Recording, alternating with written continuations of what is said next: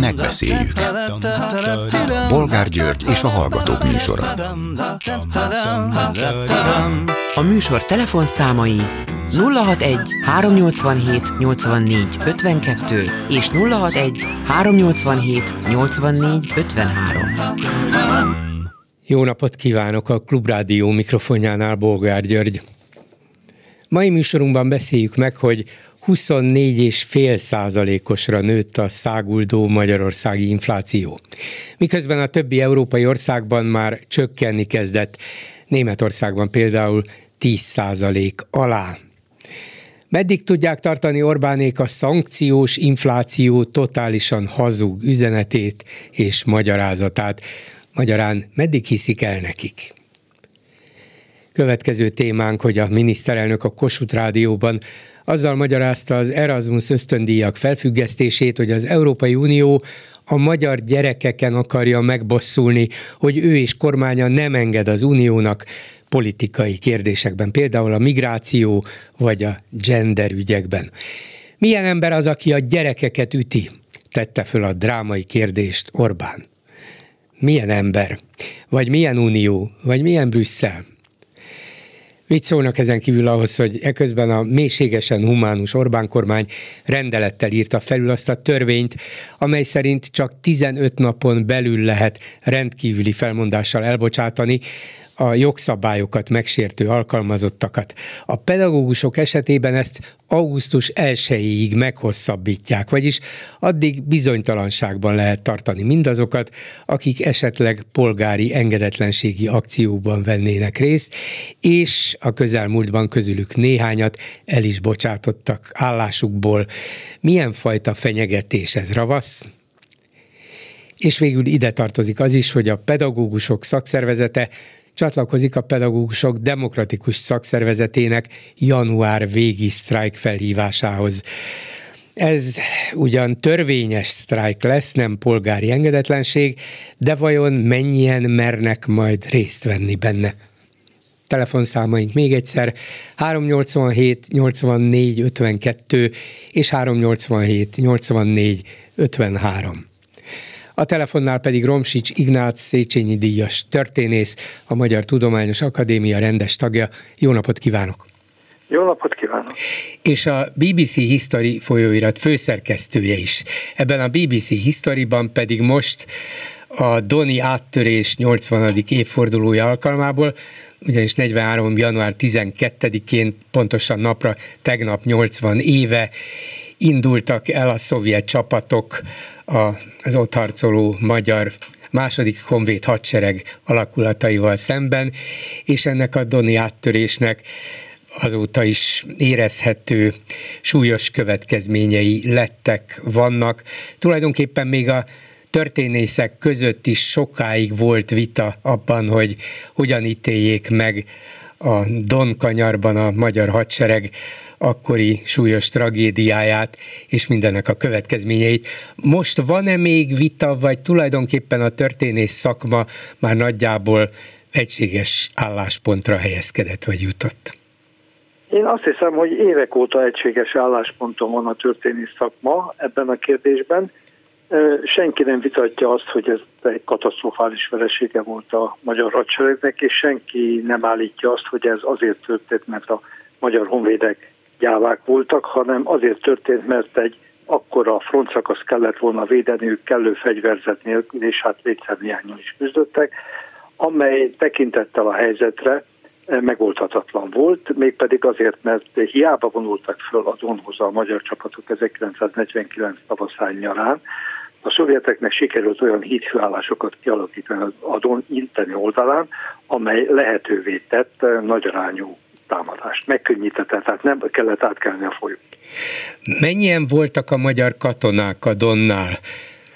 A, a kivonuláskor, tehát 1942 tavaszán nyarán 207 ezer volt a létszám, ezt követően azonban érkeztek ki még munkaszolgálatosok, az kezdeti 20 ezer fölé még körülbelül 15-20 ezer fő, és ezen túl, ezen túlmenően ott volt egy körülbelül 30-40 vagy talán még több olyan uh, tartalék, amely arra volt hivatott, hogy leváltsa az első vonalban harcolókat. Úgyhogy a legmagasabb szám minden beszámítva az két és, 250 ezer, tehát körülbelül negyed millió volt. Nem akarom aktualizálni a dolgot semmilyen szempontból, csak nagyjából egy majd majdnem egy évvel ezelőtt az orosz hadsereg megtámadta Ukrajnát, körülbelül 150 ezer emberrel nem sikerült nekik elfoglalniuk az országot, bár jelentős területeket végül igen de hát ebből is látszik, hogy ez rengeteg katona volt, ráadásul egy olyan kis ország részéről, vagy viszonylag kis ország részéről, mint Magyarország.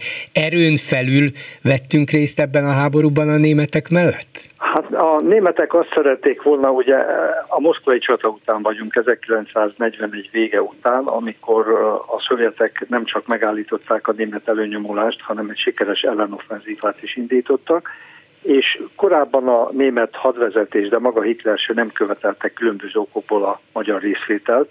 Ennek ellenére léptünk be 1941 nyarán a háborúba. Ekkor viszont már a német politika és a legfelsőbb katonai vezetés küldöttsége 42. januárjában Budapesten azt kéri, sőt követeli a magyar politikai és katonai vezetéstől, hogy az egész magyar hadsereget vigyék ki a keleti frontra meg kell mondani, hogy ennek a magyar vezetés ellenállt, és így körülbelül a hadseregnek fele került ki a, a, a keleti frontra. Ez a létszám az akkori magyar hadseregnek a felé tette ki, úgyhogy mint egy kilenc könnyű hadosztályt, egy páncélos hadosztályt és hozzá repülőkötelékeket, és munkaszolgálatosokat. Milyen áldozatokkal járt ez a tragédia? Hányan haltak meg, hányan sebesültek meg, hányan kerültek fogságba, ezekről most már pontos adatok állnak rendelkezésre? Soha, soha nem fogunk pontos adatokat tudni. Éppen a, a BBC History-nek, ugye, ahogy említette, a januári számában több cikkünk is foglalkozik ezzel, és hát maguk a szerzők is más számokat említenek, és ezt az egyik olvasón ki is szúrta, és egy olvasói levélbe szóvá is tette, hogy mi az, hogy a történészek is más számokat mondanak. Ez azért van, mert más szám jön ki akkor, ha csak a Doni áttörésnek, ennek a 43 januári áttörésnek az áldozatait, a veszteségeit nézzük, Más szám jön ki akkor, hogyha a hídfőcsaták, tehát a 1940, a kivonuláskor 42 tavaszán, nyarán elszenvedett veszteségeket is beszámítjuk, és a különbség az 20-25 ezer fő. Tehát ha a második magyar hadseregnek a veszteségeit tekintjük, 1942 nyarától mondjuk 1943 nyaráig ez alatt az egy év alatt, akkor a 120-125 ezer fő. Ha csak a Doni áttörést nézzük, tehát itt a január-februári harcokat, akkor ott a veszteség durván 100 ezer fő. Ebből ugye az megint csak feltételezés, mert van egy olyan kategória veszteségek között, hogy eltűnt, soha nem került elő. Az nagy valószínűséggel meghalt de lehet, hogy hadifogságba esett. Tehát azt szokták általában írni itt is a történészek, megkerülve a pontos számokat, amit még egyszer mondom, soha nem fogunk megtudni, hogy körülbelül 50 ezeren meghaltak, körülbelül ugyanennyien eltűntek vagy megsebesültek, és mintegy 25-26 ezeren pedig fogságba estek, akik a, közül nagyon kevesen jöttek. Igen, a munkaszolgálatosok mennyien voltak, és közöttük mennyi volt az áldozatok a, száma? A, a munkaszolgálatosok kezdetben nem volt több 20 ezernél, de a végén fölemelkedett 37-38 ezerre, és kezdetben a, a hídfőcsaták idején a munkaszolgálatosok vesztesége lényegesen kisebb volt, mint a honvédtiszteké és a katonáké. Itt az áttörés követően viszont az övéké volt a legnagyobb, mint egy 70 os ami érthető, hiszen fegyverük sem volt, úgy kellett menekülniük. Úgyhogy összességében ennek a 37-38 ezernek nagyon nagy része vesztette az életét, vagy úgy, hogy ott meghalt, vagy úgy, hogy szovjet hadifogságba került, és ott halt meg. A pontosan itt se lehet megmondani. Ki a felelős ezért a Doni tragédiáért? Meg lehet-e ezt világosan határozni ennyi évtized után, nyolc hát, évtized hát, után? Sok, sok felelőse volt, sok felelőse volt. Ugye a németek azt ígérték, hogy nehéz fegyverzetet, páncélosokat, páncélelhárítókat fognak adni a kiküldött magyar hadseregnek, ezek nem érkeztek meg, vagy késve érkeztek meg. Nagyon nehéz, nagyon rossz volt a logisztikája a második hadseregnek, tehát a kiküldött téli ruházat, élelmiszer, stb. jelentős része nem ért el a frontvonalakba. De ennél is nagyobb probléma volt talán az, hogy a Voronyestől délre a Dom mentén egy 200 kilométeres hosszú frontvonalat kellett volna, volna védeni egy olyan hadseregnek, amelyen belül a katonáknak, a frontvonalban a lövészáragok ültető katonáknak a száma nem haladta meg a 95 százezret. A többiek ugyanis egészségügyek voltak, ellátórészleg volt, munkaszolgálat volt, stb. Tehát akik ott a frontvonalban a lövészárokban voltak, az 95 százezer. És, most mondom a lényeget, ahhoz, hogy e, ebben a akkori haditechnikai szinten rendesen védekezni lehessen, ahhoz mélységi védelmet kell képíteni, vagyis az első vonalak mögött x kilométerrel kellenek olyan reteszek, újabb lövészárkok, amelyek a visszaőzönlő katonákat fölfogják, mármint a saját katonákat, és egy újabb ellenállási frontot képeznek az ellenséggel szemben.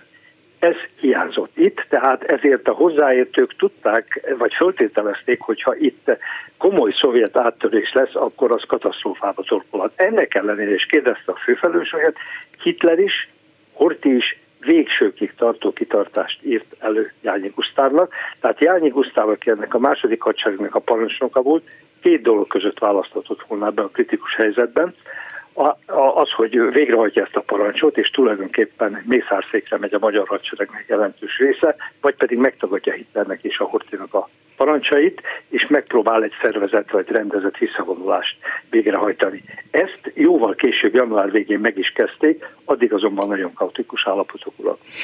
Aztán mégis Jáni Gusztávot nevezték Dóni Hóhérnak, ki is végezték. Hát többeket a magyar katonatisztek közül elég sokat kivégeztek, vagy a vezető tábornokok közül a Szombathelytől elkezdve Jányi Gusztávig. Itt a Jányinak ugye azon túl, hogy a második hadsereg parancsnoka volt, fölrótak olyasmiket, hogy például nem lépett föl kellő szigorral azok ellen a tisztek, altisztek ellen, akik a zsidó munkaszolgálatosokkal szembe kegyetlenségeket követtek el. Itt ebből konfliktusa is volt Szombathelyi Ferenc vezérkasztőnökkel, Jányinak. Fölróták neki azt is, hogy nagyon keményen lépett fel a katonákkal szembe, tehát amikor a hadbíróság valakit halálra ítélt, és a hadosztályparancsok kegyelmet javasolt a Jányi, akkor is kivégeztetett néhány embert. Úgyhogy ez, és, és különösképpen diszonáns volt az, hogy ebben a 35 fokos hidegben, sok esetben kellő ruha nélkül, adott esetben munkaszó fegyver nélkül visszavonuló tömegre a Jányi egy olyan hat parancsot adott rá, olyan hat parancsban bélyegezte meg őket gyávának, ami méltatlan volt, amit nem érdemelt meg ez a hadsereg, és, és hát fölkoncolással fenyegetett mindenkit, aki, aki tovább vonul vissza. Igen, ez Úgy, volt ez a kés... hírhet hat parancsa, igen. ami miatt ez a Doni Hóhér elnevezés rajta is igen, ragadt. Igen, ugye, Jáni, ugye ezt később visszavonta, vagy maga is megbánta, de hát attól függetlenül ez a január 24-én kiadott hat parancs, ez akkor is megvan, és ez bizony egy nagyon drámai és nagyon igaztalan azokkal az emberekkel szemben, akik közül, hát ahogy beszéltük, ott több mint fél százezer elpusztult, meghalt, és aztán másik fél százezer pedig másként pusztult. Igen, Jányinak minden esetre volt egy rendszerváltás utáni,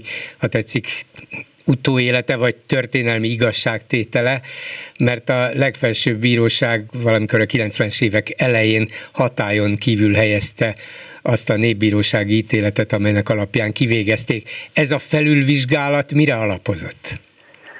Hát nézze, ugye ott meghallgattak tanúkat, voltak, akiket meghallgattak, voltak, akiket nem hallgattak meg, de hát a népbírósági eljárást azt, az, az, azt ismerjük, hogy ez mennyire volt jogszerű, mennyire nem volt jogszerű.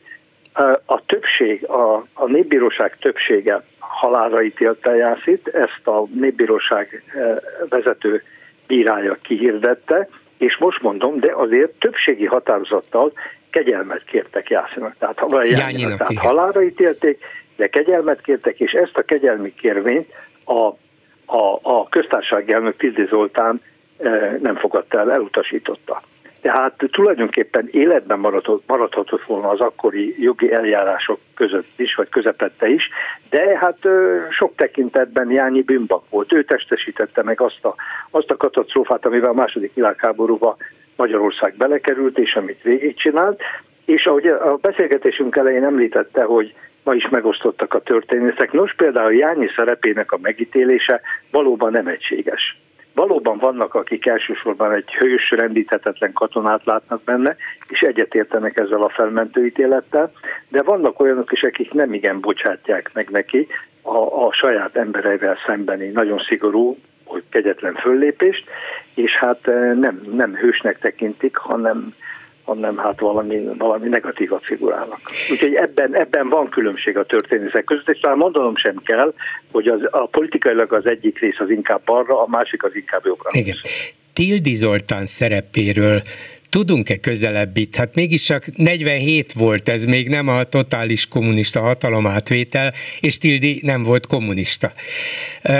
Hogy, hogy, hogy, hogy nem adott kegyelmet végül is? Nem, így, nem lehet erről semmiféle Lehet, hogy tudás lehet. Nincs. Én nem tudom, hogy miért nem adott. Amit tudok, az az, hogy a Tildi eh, hát hogy mondjam, egyre inkább sodródott az eseményekkel, és egyre inkább láb volt az egyre befolyásosabb kommunista vezetők kell szemben.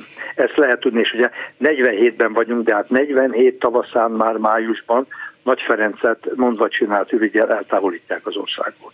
És zajlanak már koncepciós perek, elvisznek parlamenti képviselőt Kovács Bélát addigra már a Szovjetunióba, a Mincentiével szemben folyik eljárás, vagy kell rövidesen, tehát 47-ben vannak a kék cédulás választások, tehát ez egy olyan időszak, amikor még, még nincsen totális diktatúra, mint Rákosi alatt, de már nincs egy igazán működő demokrácia sem. Szóval már szabadság se volt, még, még talán a köztársasági elnöknek sem volt szabadsága.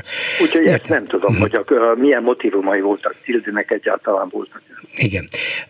Még valamit, bár ez a legtörténelmietlenebb kérdés, ezt szokták mondani, de föl kell tennem mégis, hogy mi lett volna, ha?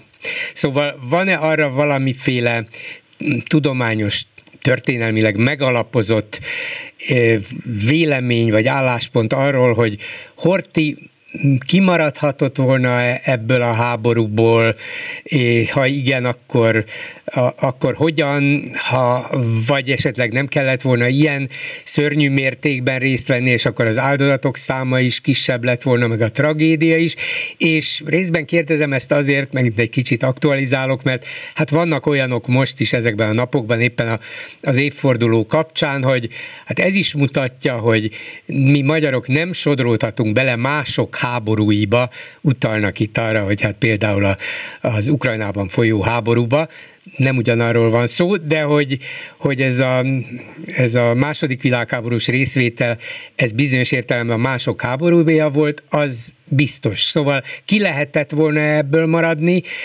vagy akkoriban ez, ez sem volt opció, így utólag könnyű okosnak lenni. Igen, 1941. júniusában, amikor csatlakoztunk a Németország-Szovjetunió elleni hadjáratához, akkor ki lehetett volna maradni, a német vezetés nem kérte, politikai vezetés se kérte, maximum azt mondták, hogy ha önként felajánl valamilyen egységet Magyarország, akkor azt elfogadják, mint ahogyan egyébként a spanyolok is felajánlottak, és azt is elfogadták, de Magyarország esetében másról volt szó, mi ugye a kassai bombázást ürügyként használva, a Horti eh, a katonai tanácsadóira hallgatva elrendelte a magyar hadseregnek a bevetését, vagy annak egy részét, a Kárpát csoport, egy 60-70 ezer fős eh, egység volt, és az elit, elit alakulatai a magyar honvédségnek, úgyhogy az eszközállomány elpusztult, stb. stb. Tehát ez nem volt szó. Minél később léptünk volna be a háborúba, annál jobb lett volna, azt gondolom, de a belépés végső soron elkerülhetetlennek gondolom,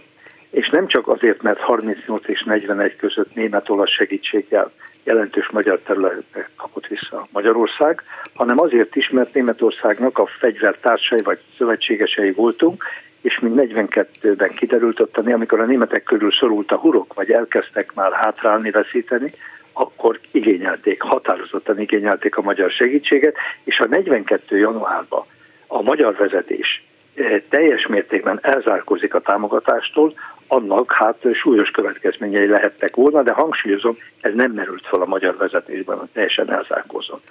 Itt ugye ebben részt vettek románok, részt vettek finnek, részt vettek magyarok, de például a bolgárok nem vettek azok, az, az, azok nem csatlakoztak Hitlernek a támadásához. Összegezve tehát, azt gondolom, hogy a Horti az első hibát nem azzal követte el, hogy a második hadsereget kiküldték, ez többé-kevésbé elkövetetlen volt, hanem a háborúba való belépéssel, és másodjára pedig akkor, amikor 1944-ben kormányzóként először is a helyén maradt, majd, mert az igazokat pedig nem tudott kilépni a háborúból, mert ha ki tudott volna lépni, ki tudott volna ugrani háborúból, akkor ugye kevesebb áldozat van, Budapestet nem lövik szét, és a románokhoz hasonlóan jobb pozícióban megyünk nekem egy lehetes békeszerződésnek. Tehát én a Hortit, illetve a akkori magyar vezetést nem azért tartom felelősnek, mert belesodródott, belelép, be, be, belépett ebbe a háborúba, ezt elkerülhetetlennek gondolom, hanem azért, mert túl korán lépett be, nem várta ki a kényszerítő helyzetet, amikor elkerülhetetlen lett volna, és a vége fele nem tudta megszervezni a, a kilépést, a visszahátrálást ebből a de nem tudta ezt a rossz döntést korrigálni. Ezért gondolom, hogy felelősség terheli őket. Igen, és ez vezetett többszörös tragédiához. Köszönöm szépen Romsics Ignác Széchenyi díjas történésznek, a Tudományos Akadémia rendes tagjának, a BBC History magazin főszerkesztőjének, és a BBC History mostani számában több tanulmány is foglalkozik a Doni áttöréssel. Köszönöm még egyszer, viszont hallásra. Én is köszönöm, viszont hallásra. Háló, jó napot kívánok! Jó napot kívánok, polgár úr, Rövei Sándor vagyok. Hallgattam a tanár úr hát nagyon szép eszmefuttatását.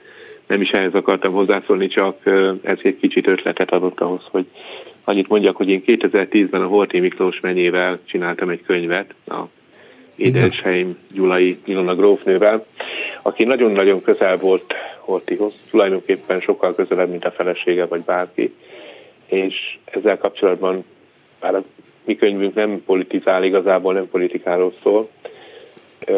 Elmondta, hogy az ő apossa nem igazán volt túl sok érzékkel bíró a politikában. Tehát nem volt jó politikai érzéke. Ugye? Ez volt. Volt olyan, hogy volt egy rádióbeszéd, amikor ezt neki meg kellett volna tennie, és napok teltek el, a cédula ott volt az asztalán, ő többször fölemelte, megmutatta neki a cédulát, hogy menjen el, tegye meg, és leföl járkált, és várt, nem tudni mi lesz. Szóval nagyon sok esetben ő egy nagyon passzív, nagyon sok mindent ugye a menyével csináltatott, mert ő elmondta a Grókné, hogy ő gyakorlatilag egy, egy pénzügyminisztere is volt, egy intézője is, egy tanácsadója is, egy olyanja, aki reggel megindította, mert nem tudott megindulni. Szóval, tehát, hogy Egyébként még annyit mondanék erről, hogy tehát ő azt mondta, hogy a háborúval kapcsolatban, hogy volt egy olyan álma, hogy szeretne egy teljes nagy Magyarországot. Tehát, hogy, hogy ezt a bizonyos trianoni rettenetes sebet be tudja gyógyítani ezzel. Tehát ez lett volna hát ez valószínűleg általános is volt az akkori Magyarországon. Még a politikai ellenfelek is úgy gondolták, hogy, hogy ez, ez egy igazságtalan döntés volt, ezt valahogyan reparálni kellene. Igen, Igen ez, egy, ez egy jó ember volt egyébként a Grófnő leírásában, a Horti. Uh-huh az utolsó percig ápolta, tehát ugye ezek egyébként benne vannak a könyvemben. Ez, ez a tartalom, ami itt megjelent 2010-ben, ez sehol nem jelenik meg, ezt a teljes magánéleti leírást, amit az utolsó évtizedekről adott ebben a könyvben.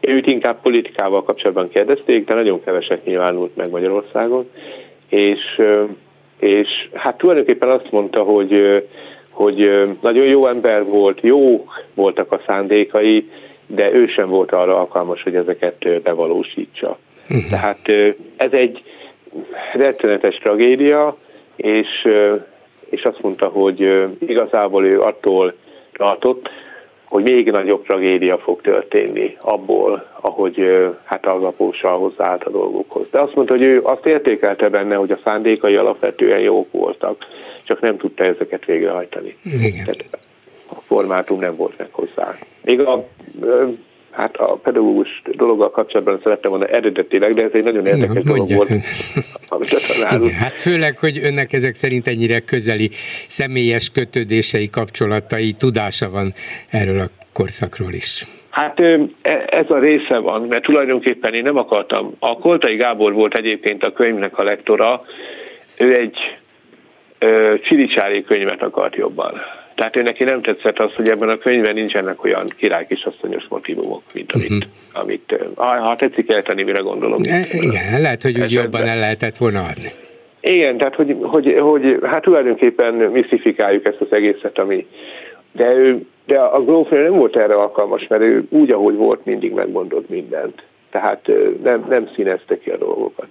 Tehát még csak a lúst dologgal kapcsolatban, de az is csak inkább csak egyfajta fura jelenséggel kapcsolatban szeretnék. Annyit akartam mondani, tehát mindössze öt mondatot, hogy hogy ugye a hatalom cinizmusa az egy Magyarországon annak azért óriási hagyománya van, hogy megütötte a fülemet egyszer egy ilyen uh, 70-es évekbeli propaganda, hogy joga van uh, mindenkinek joga van a lakáshoz Magyarországon. Na most, hogyha én oda mentem XY, kérek egy lakást, akkor elzavartak. Azt mondja, hogy jó, hát jöjjön ide az egész nép, és akkor adunk egy lakást.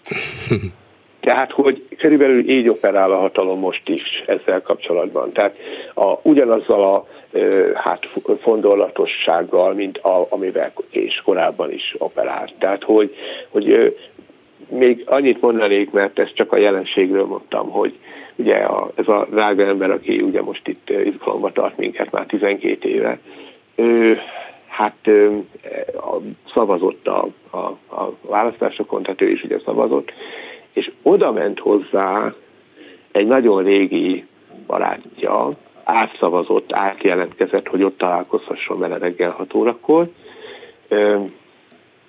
és akkor mondta neki, hogy hát mikor fogunk már összejönni, jöjjünk már össze, mondta neki az illető. És akkor azt mondta, hát gyere, gyere át, gyere át. Tehát, hogy nem mond konkrétumot. Tehát arra nem lehet hivatkozni, erre nem lehet hivatkozni, hogy gyere át.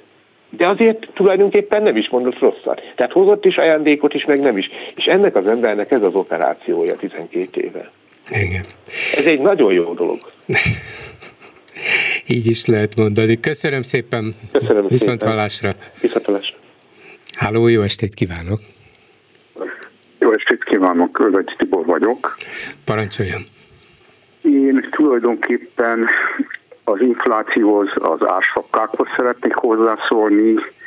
E, e, tulajdonképpen nyugdíjas vagyok, én vagyok a családból fővásárló, és tényleg látom azt, hogy milyen rohamosan mennek fel az árak. Hát illetve most már van egy kis lassulás, de, de még mindig, mindig, mindig megy a dolog, és az ársapkák tényleg azok, azok ráteszik a terhet az egyéb árukra is. Bár most már látom azt is, hogy vége van az ünnepeknek, ugye az ünnepek előtt volt főként nagy bevásárlás, most már ezekből az ársapkás termékekből nem látok akkora hiányt, tehát jobban jelen vannak a, az üzleteknek a polcaim. Igen. Nyilván a liszt, meg cukor, meg ezek igazán... Igen, liszt, cukor... Ugye, ünnepek előtt fölvásárolták, hogy na most ebből sok kell, most akkor igen, megint helyreállt. Hát, ami eláll. Igen, persze. Ugye hús nem lehetett fölvásárolni, mert az az nem, nem, nem tartható sokáig. Akkor igen, a méter. Na most az, hogy ma ilyen ö, magas lett a KSH által kimutatott infláció, illetve még, még valamivel jobb lett, mint amire az elemzők számították, hát ez is egy nagyon érdekes dolog, mert uh, itt lehet nagyon sokat trükközni. Az, hogy a KSH milyen módszereket vet erre be, azt, azt mi innét nem tudhatjuk. Annyi érdekesség volt, hogy megdömbető módon azért is csökkent valamennyivel, mert a gáz átlag ára, vezetékes gáz átlag ára csökkent. Ugye hát ez úgy, úgy csökkent, hogy a fogyasztás, a takarékosság, meg az időjárás miatt majdnem 12%-kal csökkent, és akkor ebből kiszámolták, hogy a kétféle gázára, amivel lehet játszani, ugye a 101 meg a 752 forintos gázárok, gázárakkal lehet ebből számolni átlagárat. Kiszámolták, hogy 242 forint helyett 212 forintra csökkent az átlagár decemberben. Igen. Mert hogy keve, kevesebb, kisebb, mértékben, kisebb mértékben mentek át erre a, erre a hétszeres árra, hiszen spóroltak. Igen. igen, igen, igen. Na most aztán ugyanígy, ami én nyugdíjas vagyok, hiányzik ebből az egészből a nyugdíjasokat, ami legjobban érinti még a gyógyszereknek az áremelkedése. Hát egy dolog az, hogy emelkednek az árak, de még, még hiány is van nagyon sok gyógyszerből, hát az ön műsorában is lehetett hallani néhányszor, hogy ebből probléma van. Szóval ez, ez de még, a, de még a hatóságok is elismerik, hogy körülbelül 1500 Igen. készítmény hiányzik, vagy legalábbis Igen. van, hogy elő, előfordul, Igen. hogy hiányzik. Igen, és akkor még ebből a KSH átlagárindexből hiányzik az a tétel, ami az elmúlt években, főként az utolsó két évben rettenetesen megemelkedett a lakásár, lakásvásárlás, illetve ezzel kapcsolatosan, akinek nem nincs lakása, lakbér változás, ugye, aki albéletben él, vagy, vagy valami lakbérszerű, ö, olyan helyen, ahol lakbérszerű árat fizet valamiért. Igen, igen. Hát ezek, ezek iszonyatos árak, ezek sokkal jobban nőttek, mint egy ö, normál infláció, és ezek, ezek sehol nem jelennek meg. Igen, nem, nem tökéletes, ahogy az inflációt kiszámítják valóban, és az, hogy, a, hogy egész Európában itt nőttek legjobban például a lakás árak, és ez már egyébként évek óta szinte így van, de, de még továbbra is tartott. Szóval igen, igen, igen, az a döbbenetes, hogy, hogy kétszer akkora lényegében az infláció, mint az Európai Unió átlagában, és ráadásul ott már elkezdett a többi országban lefelé menni, lassan, de lefelé, nálunk meg még megy fölfele. Egészen. Igen, igaz. Egészen különleges, és nálunk lehet azt mondani, hogy ó, hát ez, ez európai bűne, hibája, szankciói, teljesen elhibázott, mi védjük a magyarokat, itt rezsivédelem van, meg ársapkák vannak. Tessék mondani, ha nem lenne, akkor hány százalékos volna a 24 és fél helyet? 204 vagy mennyi? Hát, és el lehet mondani, és az emberek nem kapnak a fejükhöz, hogy mit beszélnek nekünk itt össze-vissza. Igen, a másik, hogy miért drágultak ennyire ezek a lakásárak?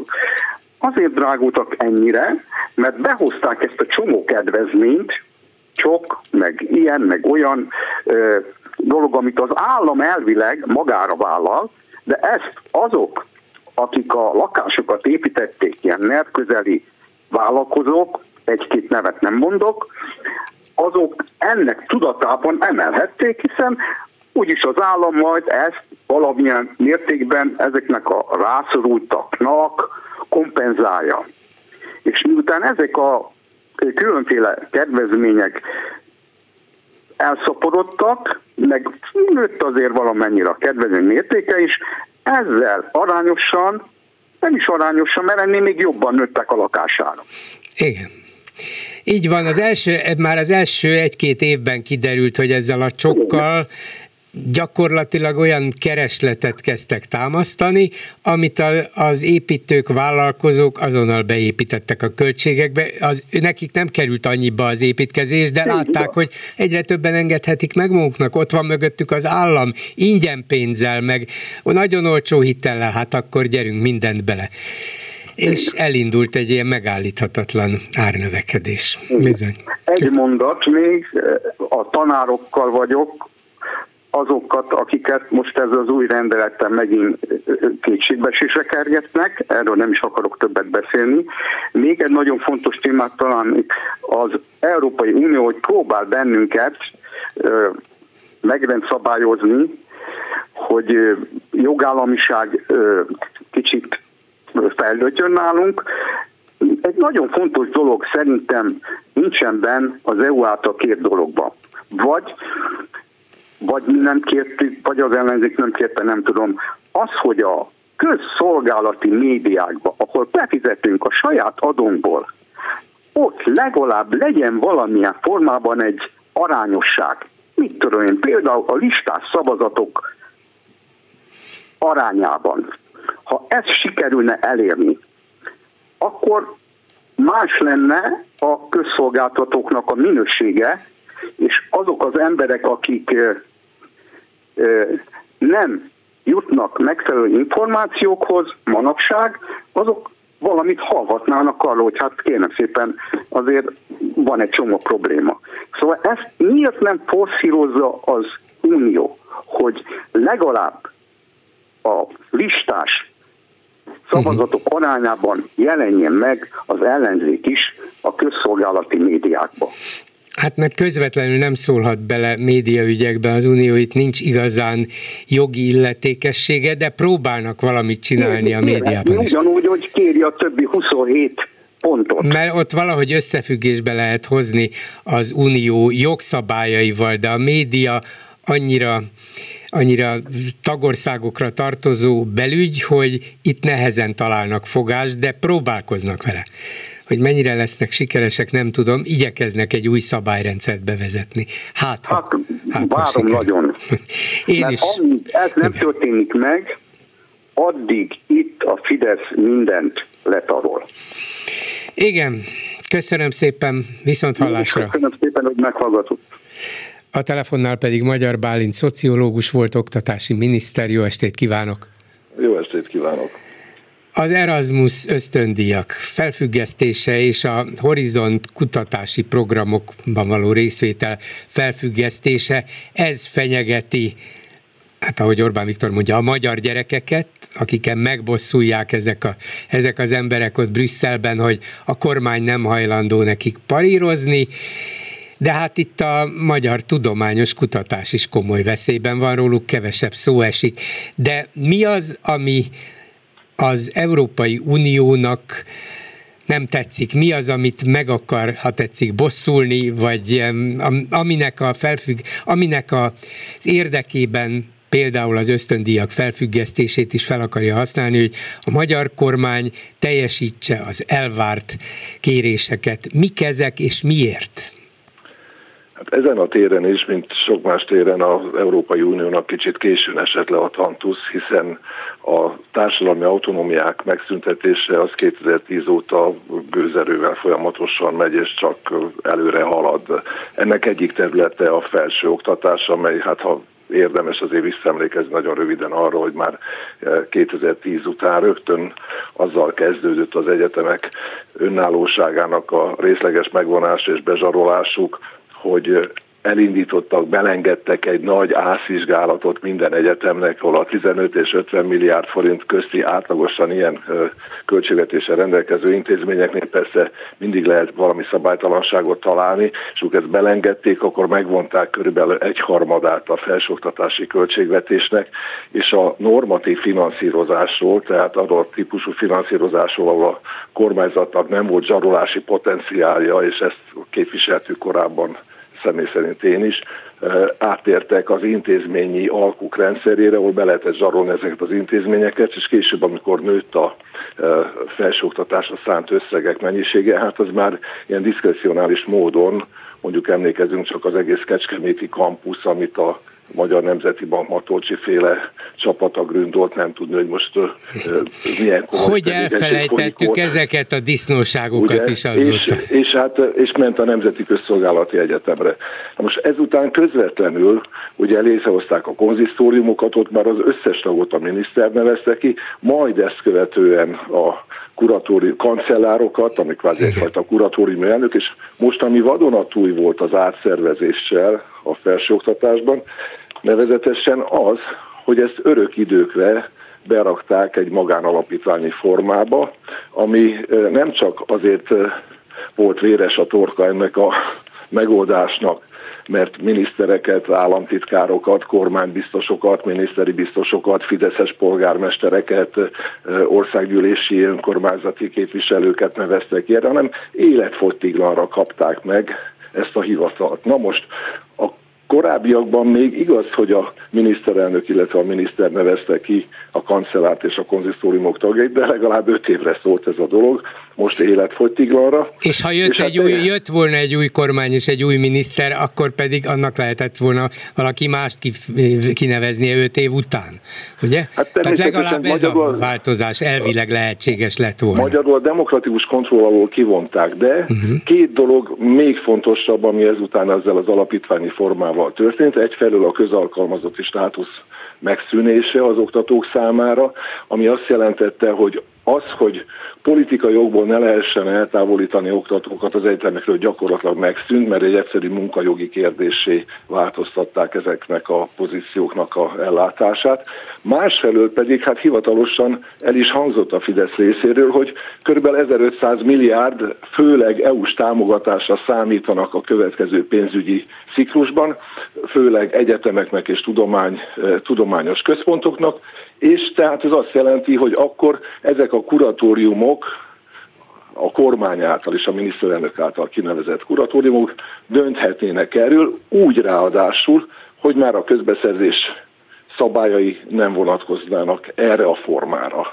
Ez azt jelenteni, hogy azt a szabad rablást, ugye, ahogy, a, ahogy mennek a préda után, ahol éppen állami pénz, EU-s pénz várható, azt elkezdik bekebelezni és a saját körbe vonni. Hát ez történt a felsőoktatási intézményekkel is, és hát ilyen értelemben hát logikus volt az Európai Uniónak, még ha megkésett is a reakciója, hogy ebbe nem akar belemenni, és nem kíván egy hát egy bűnszervezeti működést finanszírozni ilyen módon. Mennyire tud az Európai Unió közbelépni. Hát most látjuk, hogy valami kényelmetlen. Szóval rálépett a, a kormány lábára, és hát kiabálnak is, hogy ez hungarofóbia, micsoda kettős mérce, és így tovább, és így tovább, de meg tudja akadályozni, vagy vissza tudja csináltatni az Európai Unió a magyar felsőoktatás 80%-ának kiszervezését magáncélokra, magánzsebekbe, Fidesz körüli emberek kezébe? Ezt visszacsinálni nem tudja, de viszont teljesen jogos az az igényük, hogy a, európai állampolgárok, a nettó befizető állampolgároknak a pénzét azt nem csorgatják bele rögtön bűnszervezetek zsebébe, és nem teszik ezáltal kiszolgáltatottá, legalább ezen a, legalább ezen a téren. Így is már nagyon sokat változott a tulajdoni helyzet Magyarországon abban az értelemben, hogy miközben a közbeszerzések szabályaira próbálnak vigyázni, addig már vannak olyan komplett területek, amelyeken már nem is találni más potenciális idézőjelbetett pályázót, mint akik a NER-nek az oligarchái és a strómanjai azt állítja Orbán is, meg a minisztere is egymás után, nyilván megkapták a, a papírokat, és mindegyik olvassa föl, hogy mennyire kettős ez a mérce, mert hogy azt kifogásolják, hogy Magyarországon miniszterek ülnek be, kormányzati felelősséget viselő emberek ezekbe a kuratóriumokba, bezzeg a nyugat-európai egyetemek esetében vezetőségében ez nem probléma, ott is ugyanannyian vannak. Én egyrészt ezekről nem nagyon tudok konkrétan, azt viszont nagyon jól tudom, hogy nincs olyan európai ország, ahol az egyetemek 80%-át ráadásul roham menetben két év alatt kiprivatizálták, vagy odaadták valamilyen, valamilyen fajta magántulajdonba. Ön tud arról, hogy akármelyik nyugat-európai ország miniszterei elfoglalják a magánegyetemek ilyen irányító, igazgató, tanácsi vagy kuratóriumi vezetői tisztségeit? Hát az, hogy éppen hivatalban lévő párt, hivatalban lévő minisztereit tegyik oda, az szerintem egyszerűen kizárt és összeférhetetlen, és végképp összeférhetetlen az, hogy ezt életfogytiglani kinevezésre teszik. Emlékezzünk vissza, amikor a 2005-ös oktatási reformban, amelyet ugye több éves tárgyalások után fogadtunk el a, a, az egyetemi életnek a szereplőivel, és az úgynevezett igazgató irányító testületeket, gazdasági tanácsokat hoztuk létre, amelynél őrült nagy kiabálás volt, hogy miért próbáljuk szétválasztani és valamilyen módon szabályozni mondjuk egy bord típusú és egy szenátusi típusú munkafeladatok körét, mely rendkívül megnöveltük ezeknek az intézményeknek a gazdasági szabadságát, de nagyon komoly összeférhetetlenségi szabályokat hoztunk, miközben a kilenc tagú, akkor kilenc tagúként megtervezett testületeknek hat tagja a szenátushoz és a szenátus döntéséhez kötődött, és csak hármat nevezett ki a kormányzat, de a kormányzatnál ki volt kötve hogy nem lehetnek köztisztviselők vagy polgármesteri tisztséget, nem lehetnek a kormány tagjai, nem lehetnek olyanok, akik politikai pártban töltenek be bármilyen tisztséget, nem lehetnek olyanok, akik a minisztériumokkal vagy a minisztériumokhoz tartozó intézményekkel bármilyen munkaviszonyban vannak. Tehát egy korrekt szabályozás, amikor tényleg azt nézzük, hogy mi a funkciója egy ilyen mondjuk irányító testületnek vagy bordnak, ami teljesen jogos, hogy egy szenátusban nincsenek meg feltétlenül azok a készségek és képességek, amelyek az intézményfejlesztéshez, gazdálkodó szervezetek alapításához, hitelfelvételhez, szervezeti átalakításokhoz, stb. kötődhetnek egy piaci környezetben, ahol már nem csak klasszikus oktatási tevékenységek kötődnek egy intézményhez, de egyben biztosítjuk azt, hogy ez ne a politikai ellenőrzésnek és a politikai zsarolásnak az intézményeiként működjenek, mint hogy most akként működnek. Igen, de vajon meg lehet ezt állítani, akár ilyen lépésekkel, mint ez a mostani? Helyre lehet-e állítani, vagy legalább részben helyre lehet-e állítani valamilyen lépéssel, vagy lépés sorozattal az egyetemek autonómiáját, mert végül is az nem, hogy azt fenyegeti veszély, az szűnt meg, hát totális, akár személyi irányítás alá kerülhettek a magyarországi egyetemek, és nem csak úgy, ahogy korábban az állami egyetemeket etették kézből, azért az mégiscsak függött attól, hogy éppen milyen kormány van hatalmon, de most, ahogy mondja, életfogytiglan vannak kinevezve ezek a kuratóriumi tagok, vagyis olyan emberek kezébe került egy életre a magyar egyetemek többsége, akik politikailag kötődnek ehhez a mostani önkényuralomhoz. Meg tudja akadályozni az Európai Unió bármivel azt, hogy az egyetemi autonómiát totálisan szétverjék, vagy csak odáig tud eljutni, hogy Szijjártó Péter ne legyen kuratóriumi tag, Navracsics Tibor ne legyen, Varga Judit, Varga Mihály, Lázár János és a többi ne legyen ott benn, aztán a no emberek már beülhetnek, hogy ők mennyire függnek Orbán Viktortól, az már ellenőrizhetetlen. Hát a rendszerrel szembeni fellépésnek az egyik korlátja az, hogy, hogy elszigetelt esetekben gondolkozunk, és azt próbálják mondjuk akár ellenzéki pártok, akár szakmai szervezetek megoldani, hogy hogyan lehet azon a területen változtatni de hát itt nem lehet önmagában egy területen változtatni. Jogos az, amikor az Európai Uniónak az az üzenete, vagy a külföldnek az az üzenete, hogy a rendszert azt Magyarországon és magyar hát hogy mondjam, politikai erőknek kell leváltaniuk és megdönteniük, de jogos ugyanakkor az ellenzéki erőknek az az elvárás, hogy legalább ne finanszírozzák ne, ne finanszírozzanak egy kormánynak nevezett bűnszervezetet Magyarországon, mert az a finanszírozás, amit az EU eddig nyújtott, költségvetés 8-10 százaléka az elmúlt 10 évben, hát az egy hihetetlen támogatás volt ennek a rendszernek, hogy fent tudja tartani magát.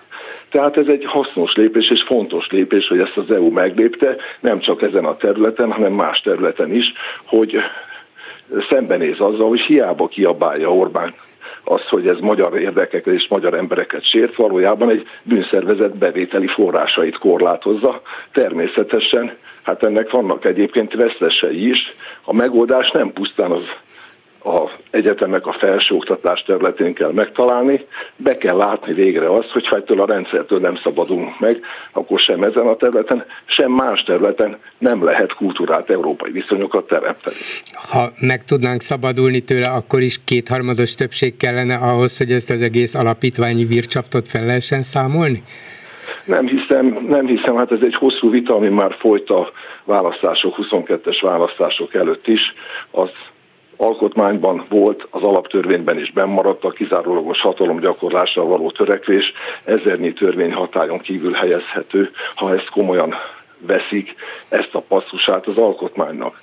Már maga az alkotmány ellenes igazság szerint, hogy megfosztották az alkotmánybíróságot attól a jogától, hogy az alkotmány módosítás passzusait vizsgálják alkotmányossági szempontból, mert ez teszi lehetővé a kormányzat számára, hogy egymásnak tökéletesen ellentmondó tételeket beszavaz az alkotmányba, és hol erre, hol arra hivatkozik. Hát igen, magyarán végül is csak rajtunk múlik, ez az optimista végkicsengése annak, amit mondott. Csak nekünk kellene már végre eldöntenünk, hogy ebből elég volt.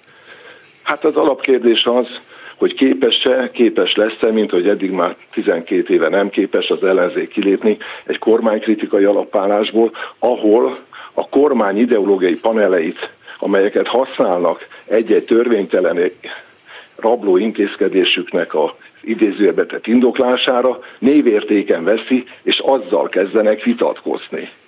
Ahelyett, hogy rendszerkritikai alapállásból támadnák.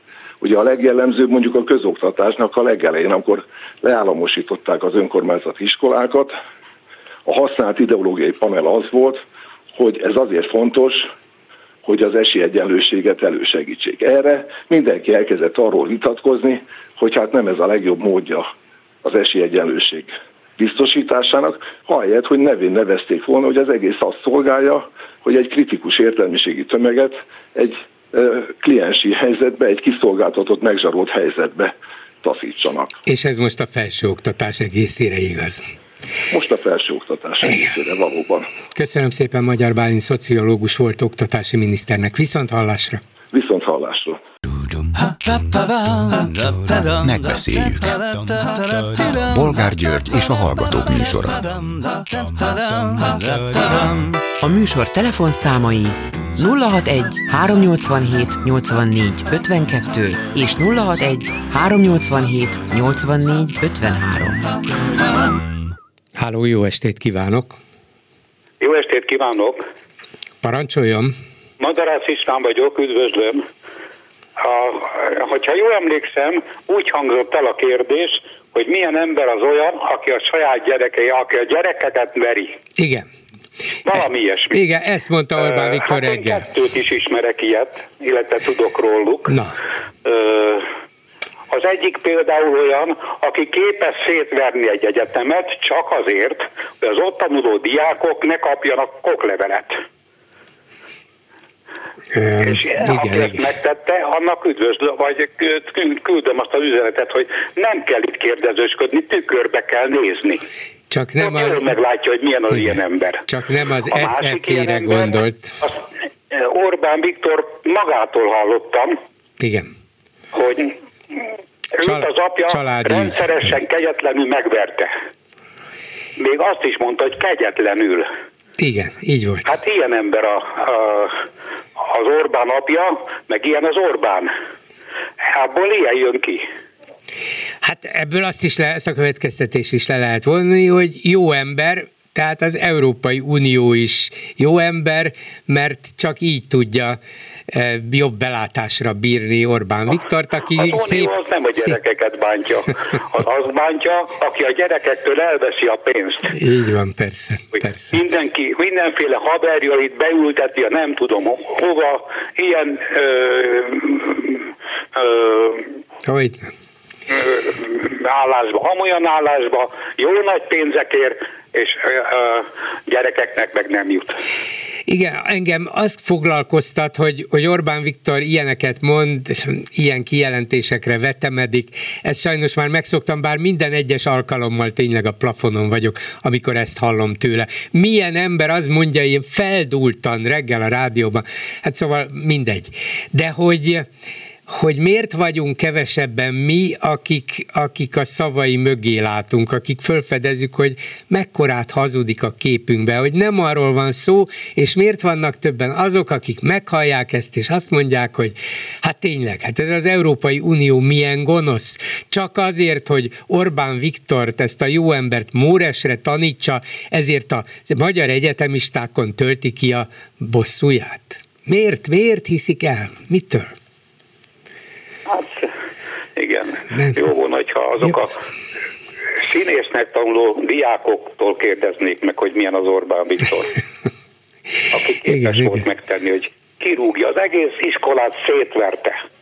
É, hát persze, persze, persze, csak hogy a sajátjai kerüljenek oda, nem csak a nyilván a megfelelő pozíciók miatt, hanem azért is, hogy ideológiailag, politikailag szépen átvehesse az irányítást, hiszen a Színház és Filmművészeti Egyetem az egy olyan intézmény, ahonnét az emberek véleményét, ízlését, tudását formáló művészek és szakemberek kerülnek ki. Úgyhogy ez egy fontos hely, az, az, emberek véleményét tudja formálni, aki onnét ki.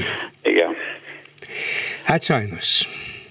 Önnek ja, van hát igaza, és én, én, hozzá. én pedig csak tanácstalan vagyok, hogy miért nem érti meg a többség, hogy miről van szó. Miért nem? Tudjuk persze azért, mert kezükben van a média, de hát nem tilos máshonnan is tájékozódni. Nem tilos. Még. Erre nincs az embereknek energiája, meg idege. A első szót meghallgatják, és igen. amik egyébként jó frappánsaknak tűnnek, és abba belekapaszkodnak, az jó van. Igen. Így van, igaza van. Köszönöm szépen. Minden jó. Viszont hallásra. Jó estét. A telefonnál pedig Szabó Zsuzsa, a pedagógusok szakszervezetének elnöke. Jó estét kívánok! Jó estét kívánok! És hát történt egy érdekes fejlemény most a pedagógusok ügyében. Az éjszaka nyilván alapos társadalmi vita és egyeztetés után hozott a kormány egy rendeletet, zárójel bezárva, nem, nem volt semmiféle egyeztetés és vita, de tudjuk, mert ez a gyakorlat, és ezzel fölülírtak egy olyan törvényt, amelyik amelyiknek alapján például az elmúlt hónapokban elbocsáthattak olyan pedagógusokat, akik polgári engedetlenségi akciókban vettek részt, és a miniszterelnök néhány hete kiállt például egy nemzetközi sajtóértekezleten, és méltatlankodva mondta, hogy hát nem engedhetjük meg, hogy valakik törvénytelenül tiltakozzanak, mindenkinek joga van törvényesen, de aki törvénytelenséget követel, hát azzal szemben sajnos a törvényeknek megfelelően kell eljárnunk. Hát már a viradóra kiderült, hogy nem, mert ezt a törvényt is meg lehet változtatni egy rendelettel, és nem kell azonnal kirúgni például a polgári engedetlenkedő tanárt, hanem várhatnak vele akár augusztus 1 is. Ez most mit jelent, hogy a kormány rájött, hogy túl szigorú volt, vagy éppen valami ravasz trükköt talált ki, hogy máshogyan szorongassa meg a pedagógusokat? Mi az önök megfejtése? A pedagógusok szakszervezete úgy gondolja, hogy a kormány meghátrált, és köszönhető ez a Szent Gotthárdi 29 kollégánknak, akik összefogtak, és egységesen, majdnem az egész tantestület egységesen polgári engedetlenkedett. Mi van az indoklásban? Azt mondja, hogy ez a módosítás az ennek eddiginél sokkal több időt és lehetőséget, mérlegelős lehetőséget ad majd a munkáltató számára a rendkívüli felmondásra.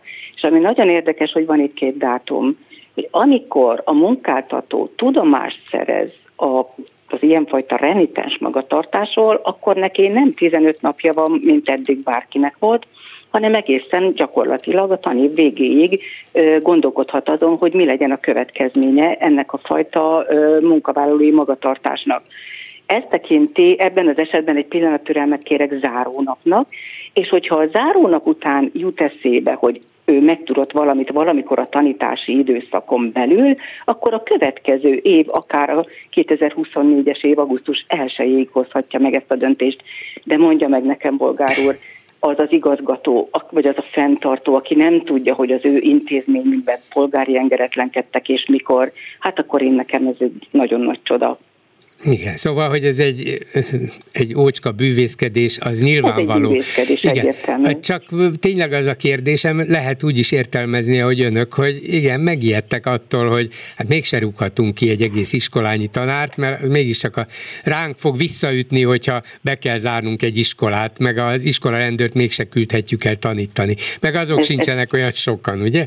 Persze. Hát ha megnézzük, hogy ez a rendelet arról szól, hogy kitolhatja azt a döntést, hogy hogyan fog reagálni reagálni egy ilyen magatartásra, akcióra, és ez augusztus 1-ig eltoltható, tehát gyakorlatilag a tanítás végéig, mert ugye tekinthető a tanévrendje szerint június 15-e a zárásnak. Na de akkor egy kémia szakos kollega annyit rendelet, vagy polgári engedetlenkedik, amennyit akar, mert hogy nem lesz, akivel pótolja, és akkor őt nem fogja kirúgni. Ez a legyen idő, legyen hosszú idő a mérlegelésre, ez azért egy nagyon érdekes megfogalmazás.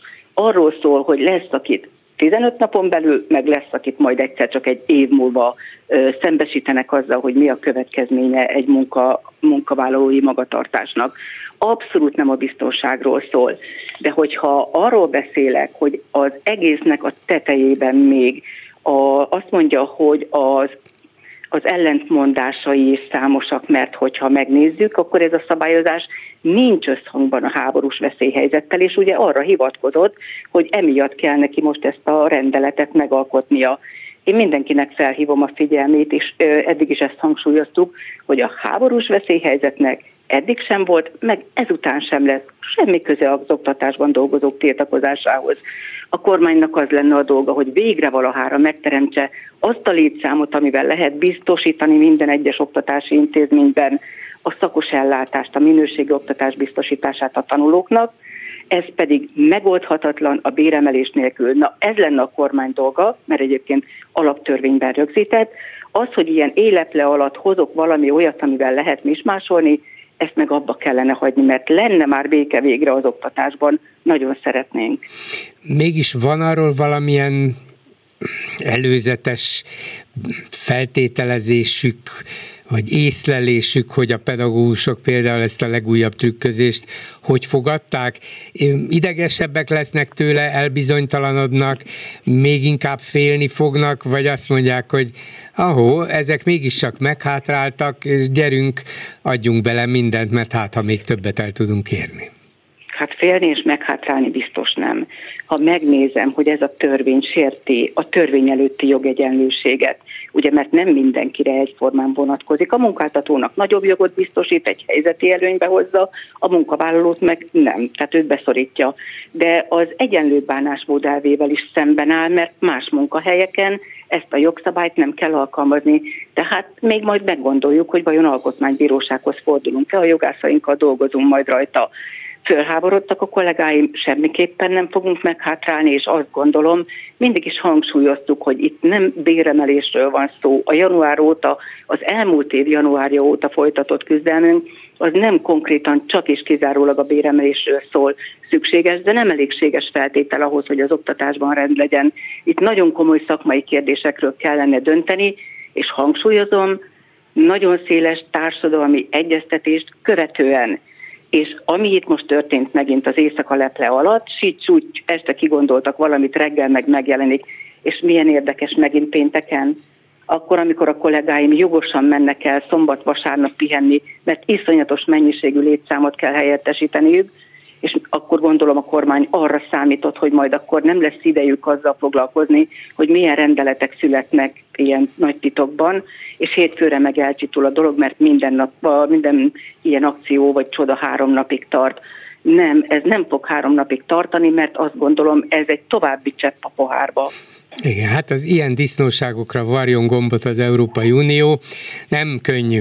De ha már többször szóba hozta a béremelést, azért néhány nappal ezelőtt történt, és a kormány nagy büszkén jelentette be, hogy hát sikerült megvenni a Vodafont, ráadásul olcsóbban, mint eredetileg gondolták, alig 660 milliárdot kell rákölteni, és nekem meg rögtön az jutott eszembe, hogy már bocsánat, itt a kormány befizet, vagy a magyar állam közvetlenül 320 milliárdot, egy magáncég, egy Orbán közeli magáncég tegyük hozzá, állami bank hiteléből befizeti a másik 330 vagy 40 milliárdot, és eközben a pedagógusok 10%-os bérpótlik emelésére irányoznak elő 68 milliárdot. Vagyis, hogyha nem az lenne a nemzet stratégiailag fontos cél, hogy a Vodafont megszerezzék, úgy tudtam, a Vodafone eddig is, eddig is működött elég jól, de majd most állami tulajdonban, vagy részben magántulajdonban lesz, magyar tulajdonban, erre elköltenek több száz milliárdot, összességében a tízszeresét annak, amennyi a nemzetstratégiailag nem fontos pedagógus béremelésre menne idén, akkor azt mondom, hogy itt volt a kézenfekvő megoldás, miért nem adtak háromszor annyit az idei pedagógus béremelésre, és rögtön más hangulatban tudnának például a szakszervezetekkel vagy a polgári engedetlenkedőkkel tárgyalni vagy beszélgetni, ha egyáltalán akarnak, de hát lehet, hogy nem akarnak. Az a kérdés, hogy mi a cél. Én, hogyha ezt a gondolatmenetet, amit ön most itt végigvezetett, összevetem azzal, hogy a költségvetésben egyetlen egy sor nincs arra a célra, hogy az oktatás bajait megoldja a kormány, miközben ez az ő kötelező feladata. De ha nem tud szakos kollégákat, szakos tanárokat biztosítani a diákok számára, akkor én azt kérdezem, hogy hogyan, biztosít, hogy hogyan biztosítja a gyerekek továbbhaladását hogyan fognak az általános iskolából középiskolába, majd onnan felsőoktatásba bekerülni. És akkor nézzünk a nemzetgazdasági érdekeket is. Hogyan lesz ennek az országnak minőségi munkavállalója, akár orvos, akár mérnök, akár bárki, Hát nem lesz, mert ha nem kapja meg azt a szintű oktatást, azt a szintű tudást, amely következtében élethosszig tartóan tudja magát fejleszteni, és akár több munkahelyre is felkészítenie majd később önállóan magát, hát akkor én azt gondolom, hogy ez óriási baj. És ezért hangsúlyoztuk mindig, hogy ez, a, ami most itt az oktatásban folyik, ez nem csak a pedagógusok problémája, ez társadalmi probléma, hiszen minden családban van szinte diák, aki most az iskolapadban ül de ha véletlenül nincs, akkor meg abból a szempontból fontos, hogy a következő időszak gazdasága hogy fog prosperálni minőségi munkavállalók nélkül. A pedagógusok szakszervezete eldöntötte, hogy csatlakozik a pedagógusok demokratikus szakszervezete által meghirdetett január 23-án kezdődő sztrájkhoz. Ez milyen típusú sztrájk lesz? Gördülő, vagy mi, hogy, hogy képzeljük el, és akkor mm, egyáltalán a, a pedagógusok mennyire hajlandók most itt az év elején megint venni egy mély lélegzetet, és azt mondani, hogy na, gyerünk, mindent bele, próbáljuk meg még egyszer. A többször hangsúlyoztuk, hogy nem hagyjuk abba. Egyértelmű és világosá tettük, hogy ameddig a problémák az oktatásban jelenlévő problémák nem oldódnak meg, addig bizony akciózni fogunk. Azt mindenképpen tudni kell, hogy a PS egy nagy testület, és a döntéshozási mechanizmusunk az, az egy, nálunk egy hosszabb időszak. Tehát a PDS bejelentett az elmúlt szombaton valamit, ahhoz a PS a véleményét nem tudta ennél hamarabb kifejezni, hiszen a leggyorsabb döntéshozási folyamatot alkalmaztuk, és ennek ma lett eredménye. Tehát társultunk. De amit ön kérdezett, Határozatlan idejű sztrájkot hirdettünk március 15-től, és ugye március, az elmúlt év március 16-ától ez el is indult.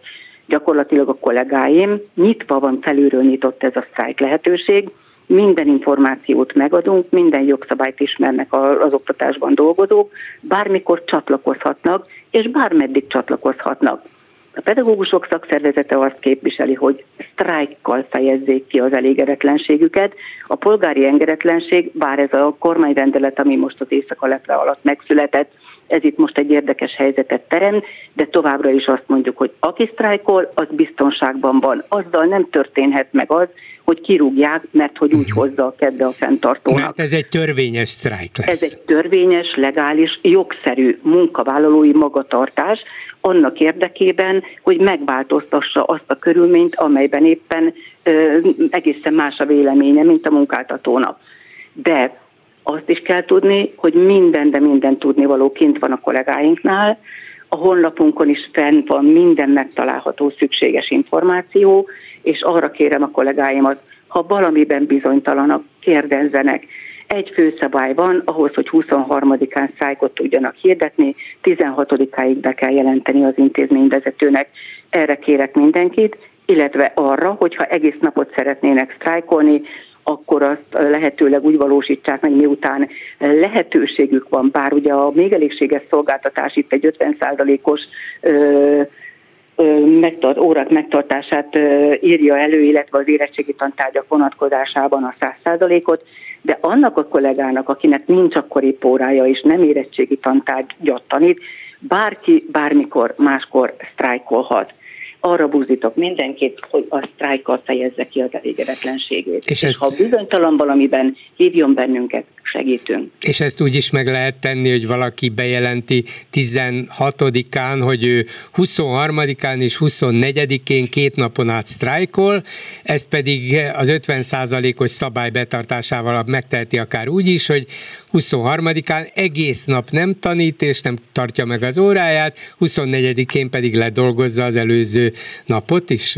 És Pontosan ezzel az 50 ezt valósítottuk. Aha. Pontosan ezt valósítottuk meg március 16-án. Ez az okoslány módjára sztrájkolunk egy napot úgy, hogy azt láthatóvá tesszük, és akkor a másnapi 50-50 százalékot az előző napit, meg az aznapit megtartja a kollega, és itt teljesen rendben vagyunk, és teljes biztonságban van a munkavállaló is, és jogszerű sztrájkkal fejezte ki az elégedetlenségét. Köszönöm szépen Szabó Zsuzsának, a pedagógusok szakszervezete elnökének. Viszont hallásra! Viszont hallásra! Háló, jó estét kívánok! Halló, jó estét kívánok! Igen, tessék parancsolni. Ahhoz szeretnék hozzászólni, hogy miért nem értik meg az emberek azt, amiben az előző Igen. hozzászólásokban volt szó, hogy, hogy az Unió miért függeszti fel a stb. Igen. A, én szerintem azért nem értik az emberek, mert a többek között biztosan ez egy fő ok, hogy mert, mert az egész sajtó a ATV hír, hír, híradóban, a, sőt azt hiszem a Klubrádió híradóban is mindenki azt a szenzációs hírt emeli ki, hogy az Unió felfüggesztette a, az Erasmus és a Horizon programnak a támogatását. Nem így kellene ezt előadni a nagy közönségnek, hanem úgy, hogy az Unió felfüggesztette az állam által létrehozott alapítványok támogatását, közbeszerzési uh-huh. szabálytalanságok, gazdálkodás átláthatatlansága, és még nem tudom mi miatt a, a, a összefér, kuratóriumi tagoknak az összeférhetetlensége uh-huh. miatt. Szóval azt kellene mondani, hogy amiért fölfüggesztette, az egy következmény, és ez egy másik kérdés, hogy ennek a kárvalótjai az Erasmus programba és a Horizont programba résztvevők, de hát még sokkal többről van itt szó, nem csak arról, hogy ezt a két programot felfüggesztette. És ezt így kéne a híradóba is, meg mindenütt mondani. Ehelyett csak az van kiemelve, hogy ezt a két programot ugye az egyetemisták, a szegény gyerekek. Igen, igen, igen. Van ebben igazság, nem tudok önnel vitatkozni. Lampos az egész. Nehéz, nehéz elmondani úgy, hogy ez ne legyen túl bonyolult. És, De és... hát azt el lehet úgy mondani, hogy az igen. állam által alapított köz, alapítványoknak a támogatása. Igen, ezek... akkor lehet mondani, hogy ennek mik a részletei, és kik a kárvallottjai. Nem igaz, hogy ezt nem lehet. Ez olyan slamposan van megfogalmazva, megfogalmazva, és annyira szenzáció éhesen, hogy te, teljesen el van ki van forgatva az egész már. Igen, a, aki nem ismeri a, a körülményeket, az tényleg csak azt a következtetést vonja le belőle, hogy na hát az Európa... a gyerekek, igen, igen, ártatlan igen. gyerekek. Igen, és akkor Orbán már hozzá is teheti, az egész csak azért van, mert én nem engedem be a migránsokat. Így, az már, azt szerintem azt már nem hiszik el, de uh-huh. mindegy is. Én arra szere, az, azon méltatlankodom, hogy a miért ilyen slamposan és ilyen elferdítésre lehetőséget adó módon tálalják ezt a hírek, a híradó, a sajtó, az ATV, mindenki. Hát tulajdonképpen igen, igen, igen, igen. Valóban ezen el, el kell gondolkozni, hogy hogy lehet ezt úgy előadni, és ennek a hír részét, tehát az újdonság részét úgy bemutatni, hogy közben ott legyen az, hogy miért is csinálják ezt. Ez, ez csak egy, mindenki igen, megérti, igen, bolgár igen. úr, hogy a gazdálkodás átláthatatlan. Igen. Így van. Nem igaz, hogy nem értik Átláthatatlan meg. és összeférhetetlen, és, és teljesen a kormány a kezébe vette, ezeknek. Csak ugye már ott kezdődik, hogy alapítvány irány. Mi az az alapítvány? Mi az, hogy Nem alapítványok kell tudni, irányítás? Mi az az alapítvány? Azt kell elmondani, hogy a gazdálkodás átláthatatlansága. Igen, az egyetemi gazdálkodás átláthatatlansága. Igen, igen már és pedig az, olyan, ami nem átlátható az, az tisztességtelen. Nem, igen. igen. nem finanszíroz az unió. Jó, ez, ez nem rossz, hogy az, az egyetemi gazdálkodás átláthatatlansága miatt felfüggesztik ezeknek a programoknak a támogatását. Igen, ez mert ez uniós pénz. Így van. Készhet, úgy, Igen. mint a többi. Mind, azt, ezt már Igen. értik az emberek. Nem, ez, ez, ez, ez olyan fokú felületesség és lamposság, én nem tudom, hogy... Jó, abszolút jó, jó irányba megy, ez, ezen ezen érdemes változtatni. Jobb később, mint soha. Hallásra. Én is köszönöm, viszont hallásra. Mit írnak a Facebookos kommentelőink, Lőrinc Csaba? Szia Gyuri, köszöntöm a hallgatókat. Természetesen a gyerekeken való bosszúállás témája megfogta a kommentelőket. Miféle emberek, akik bosszút állnak más gyerekén? kérdezte Orbán Viktor a Kossuth Rádióban, amikor megtudta, hogy elvonták Iványi Gáboréktól azt a pénzt is, amit hátrányos helyzetű gyerekek oktatására fordít. El is határozta, hogy addig nem eszik homárt, amíg ezt nem orvosolja. Igen, igen, igen. Ugye tényleg úgy kellene mennie egy ilyen interjúnak, hogy a miniszterelnök mély vagy magas erkölcsi felháborodásában azt mondja, milyen emberek azok, és akkor a megkérdezi, hát tényleg, mintha Iványi Gábor egyesülete és egyháza több ezer gyerek tanítását, ellátását, és így tovább. És önök elvették tőlük a pénzt. Hát milyen emberek és azok, ide a tükörbe akik... belenézve. igen, igen. Júj. Na jó, de hát az lett volna az illető utolsó interjúja, nem? Hát ez, ebben a világban ez így működik, úgy látszik. Mi már értjük, írja egy másik kommentelő ugyanebben a témában, hogy az ország élén olyanok vannak, akik éltanuló gyerekeinket és tanárainkat szándékoznak meglopni és ezért már hónapok óta kétszer annyi fizetést kapnak munkanélkül, mint az ott tanító egyetemi tanárok. Hát igen, mondjuk e, azt sem értem sok mellett, dolog mellett, de hát nyilvánvalóan olyan elegánsan lépnek ezen túl, hogy lenyúlták az egyetemeket, igen, magállami alapítványokba kiszervezték egy életre, miért kellett a minisztereket beültetni? Hát nem tudják őket rendesen megfizetni, de rendesen meg vannak fizetve. Nekem, Nagyon jól. Nekem az a feltételezésem, hogy arra a helyzetre készülnek fel, ad abszurdum, hogy esetleg egyszer majd elvesztik a választást, vagy bármilyen módon más kormány kerül hatalomra, és legyen egy biztos, továbbra hát ez, ez a kiszervezés, bevétel. ez erre született, ez biztos, de mm, a miniszterek is már erre készültek volna, hogy ez lenne a, ez lenne a belső emigráció, egy ilyen egyetemi alapítvány, hát lehet. Nem tudom, tehát így elgondolom, hogy én ezt tenném. Ez a gondolat, ha én lennék Na kormányon. tessék, ezek szerint nem csak ők tennék, vagy teszik ezt, hanem te is ezt tennéd. Nem bizonyos Szép. feltételek mellett, például a, a, az apámtól való félelem hiánya esetén. Néhány gondolatban a sajtó is szóltak. Egy kommentelő felhívta arra a figyelmet, hogy a közmédia igenis meghívja az ellenzéki politikusokat, egyebeket, csak ők nem mennek el állítása szerint. Ez csak részben, vagy csak formálisan igaz, egyrészt csak az áprilisi választások óta gerjedt fel a közmédiában a vágy, hogy meghívjon ellenzéki politikusokat, de ugye itt egy olyan rendszernek kellene kialakulnia, amiben a hírek, a híradók kiegyensúlyozottak, tárgyszerűek, objektívak, és nem csak a forma kedvéért hívnak valamilyen műsorokba ellenzéki politikust, hanem ez a mindennapi rendszer. De miután nem ez a mindennapi rendszer, és nem kiegyensúlyozott a hírközlés, joggal tarthatnak attól az ellenzéki politikusok, hogy őket kihasználják formálisan arra, hogy hát látjátok, ők is itt vannak, hát mit csináljunk, ha hülyék, vagy mit csináljunk, hogyha nem jönnek el, mit csináljunk, hogyha a kormány jobban érvel. Nem, az egész helyzet abszolút irreális, és formálisan azzal nem lehet helyrehozni az egészet, hogy hát mi hívtunk DK-st is, meg hívtunk Momentumost is, aztán nem jöttek. Meg azért az más dolog, amikor az embernek ellen, tehát alákérdeznek, és más dolog, amikor... De nem is kell alá kérdezni, hát nem, nem az a feladat, sőt, éppen az volna a feladat, hogy például a köz, az állami mi közmédia, állami médiában vagy Fidesz médiában ne alá kérdezzenek a miniszterelnöknek, hanem, meg a többi, hanem hogy hát nem, hogy egyszerűen izzad vagy nem izzad, az egy másik kérdés, az magánügy, hogy megkérdezzék a lényeges dolgokat tőlük, és ugyanígy az ellenzékiektől is. De az egész rendszert úgy kell felépíteni, hogy az kiegyensúlyozott legyen. Amíg ez nem így van, az összes többi az még, még csak nem is szépség tapaszt. Mi történne a háborús inflációval, ha egyszer csak kitörne az orosz-ukrán béke? De minimum tűzszünet lenne, mondjuk egy fél évig, akkor mire hivatkozna Orbán?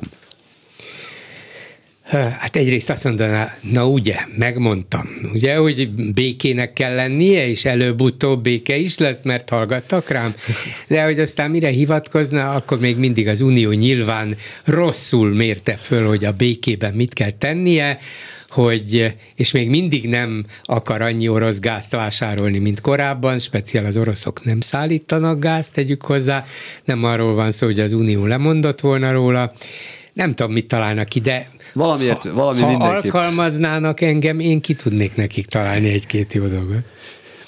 A tegnapi témában Orbán foteljéről, illetve székéről a címer megvan, csak egy ökör hiányzik a korona mellé. Jaj, nem, nem, nem, ez, ez, ez rossz indulatú. De nekem csak azt tűnt föl, hogy tényleg nem tudják, hogy melyik Orbán Viktor széke, ezért kellett egy más széket oda tenni koronás címerrel, hogy mindenki tudja, hogy az a főnök széke? Vagy csak megtetszett neki, és behozatta, és annyira ragaszkodik hozzá, hogy nem akarják elvenni. Ez az enyém. Ragaszkodik a székéhez. És kaptunk egy képet is, ez egy levél, amit úgy címeztek meg, hogy bolgármesteri hivatal, bolgármester. Jaj, de kedves, köszönöm szépen. Igen. Jó, örülök neki. Köszönöm szépen. Akkor egy hallgató a vonalban. Jó estét kívánok! Jó estét kívánok! Köszönöm szépen. Én még a tegnapi kontingensből maradtam le. Na. És, uh, volt tegnap kontingensünk? Mondjuk. Mondom, volt tegnap kontingensünk? Vagy Igen, csak hát legalábbis érdeklődő hallgatók és a, a hölgyek voltak olyan kedvesek, hogy visszahívtak, még pedig arra az időpontra, amikor kértem, mert akkor értem rá, érek rá, és csak nagyon röviden szeretnék a, erről a Kiev-Kiev ügyről egy-két megjegyzést tenni. Ja, ha, ha valaki nem tudná, akkor azt vetettem föl tegnap, hogy hogy a kormánypárti média azonnal nekiesett Karácsony Gergelynek, aki az elmúlt napokat Ukrajnában töltötte, és azt írta meg, mondta, hogy hogy Kiív nem az államk használatos Kijevet, vagyis az orosz formulát, vagy az orosz nevet használta, hanem az ukránok kvázi kérésére, vagy magától a kiívet, és erre mondták neki, hogy na bezzeg, itt rögtön lefekszik az ukránoknak, miközben az ukránok nem engedik, hogy a magyarok szabadon használják a nyelvüket az országban. Úgyhogy ennyi volt, ennyi volt a háttere a dolognak. Igen, igen, és én azt gondolom, hogy differenciáltan kell nézni a dolgokat, és ezért például támogatom Karácsonynak a, a kerékpározásra és a környezetvédelem előmozdítására tett erőfeszítéseit, de valóban úgy gondolom, hogy teljesen felesleges a magyar nyelvet úgy alakítani, ahogy kívülről valaki akarja, mert Karácsony hivatkozott is a Facebook bejegyzésében, hogy hát a, kifejezetten azért írom a kívet, mert hogy ukrán barátaink kérték, hogy ne használjuk a, a Kiev szót, elnevezést. És tehát egyrészt, egyrészt ezt nem kéne, uh, tehát a magyar Igen. nyelv fejlődését azt nem külföldi igények szerint kéne alakítani. Másrészt pedig nagyon is következetlen Karácsony Gergely, mert miután visszajött Ukrajnából, és tett egy-két ilyen kiíves posztot a Facebookon, utána már az utóbbi bejegyzései már Kijevről szólnak. Visszaszokott a régi használatra. Igen, tehát ez elég elítélendő, hogy akkor most akkor mit akar, hát, igen. Mert, mert van egy, egy ilyen posztja, kérem szépen, Klicskó, Vitali Klicskó Kijev polgármesterének társaságában, 22 órája tette ki, hogy Klicskó polgármester kijött elbúcsúzni a vasútállomásra, és átadott egy képet Kiev védőszentjéről. Kiev védőszentjéről, tehát uh, még egy Nem Klicskó, Klicskó arcképe mellett, tehát ők a fényképen kezet fognak Igen. és mosolyognak, és akkor oda meri írni Klicskó arcképe mellé, az oroszos változatot, hogy Kiev igen, védőszentje. Látszik, hogy ez nehéz ügy. Nézze, én, én azt gondolom, anélkül, hogy, hogy ennek a nagy politikai részébe most belemennék, úgy alapvetően nekünk nem, nem sok gondolkodni valónk van ezen, Kiev, Kiev, így szoktuk meg, tényleg nem, nem biztos, hogy ezen érdemes változtatni, hogy, hogy a nagy politikában egy politikai vezető adott esetben ezzel fejezi ki szolidaritását a megtámadott ukránokkal, hogy Kiívnek írja vagy mondja, már ameddig emlékszik rá Kijevet, azt, azt el tudom fogadni.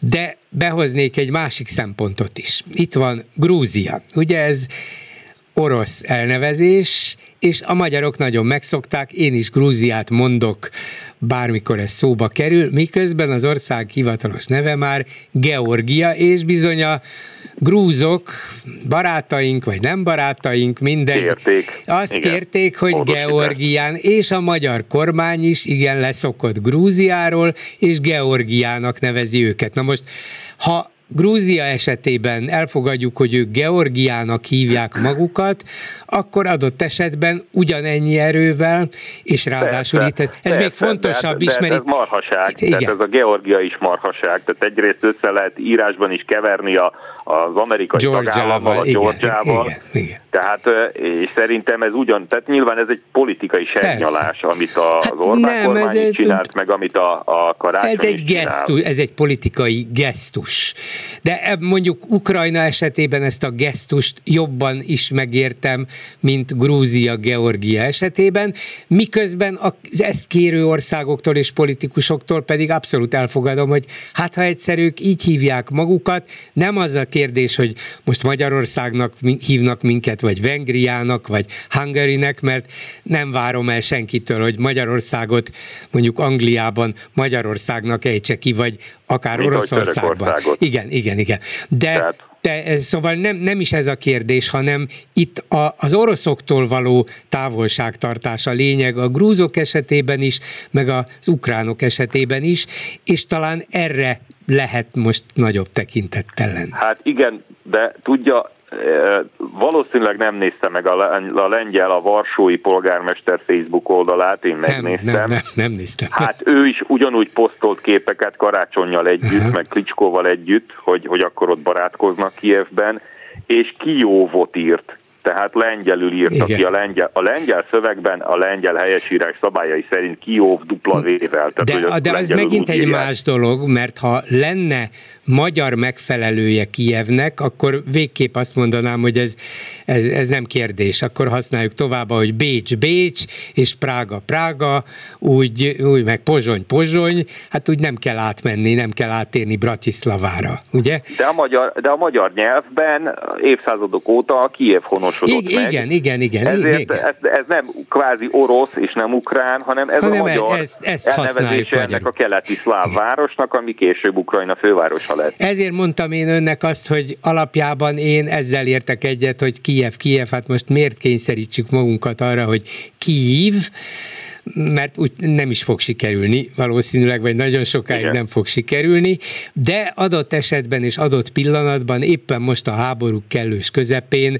el tudom fogadni karácsonytól, és csak éppen ugye saját maga cáfolta meg magát, vagy szokott Igen. vissza szinte tudat alatt arra, Tehát ez, hogy egy, hát ez, egy, Kiev. ez egy tök ügyetlenség. Tehát, hogy Igen. tehát mondjuk ki, tehát ez mondjuk ki, ez olyan, mint amikor az MSZP odaviszi a nem tudom milyen feliratokkal, petíciókkal ellátott focilabdát a Felcsúti stadionhoz, és akkor majd az egyik MSZP berúgja üzenet Orbán Viktor, és akkor neki rúgja a kerítésnek, és visszapattan a labda, tehát a kamerák előtt. Tehát, hogy ez, ez ugyanilyen. Egyébként hangsúlyozom, a pozsonyi polgármester is, a prágai polgármester is a saját anyanyelvén, amikor írt a Facebookon, azt írták, hogy Kiev, mind a kettő esetben, a cseh meg a szlovák nyelvben is úgy látszik, hogy KY Jev, tehát Igen. Kiev Y-nal a, a, a helyi, úgymond ö, kie, vagy leírás, lengyelül meg dupla V van a végén, Kijov.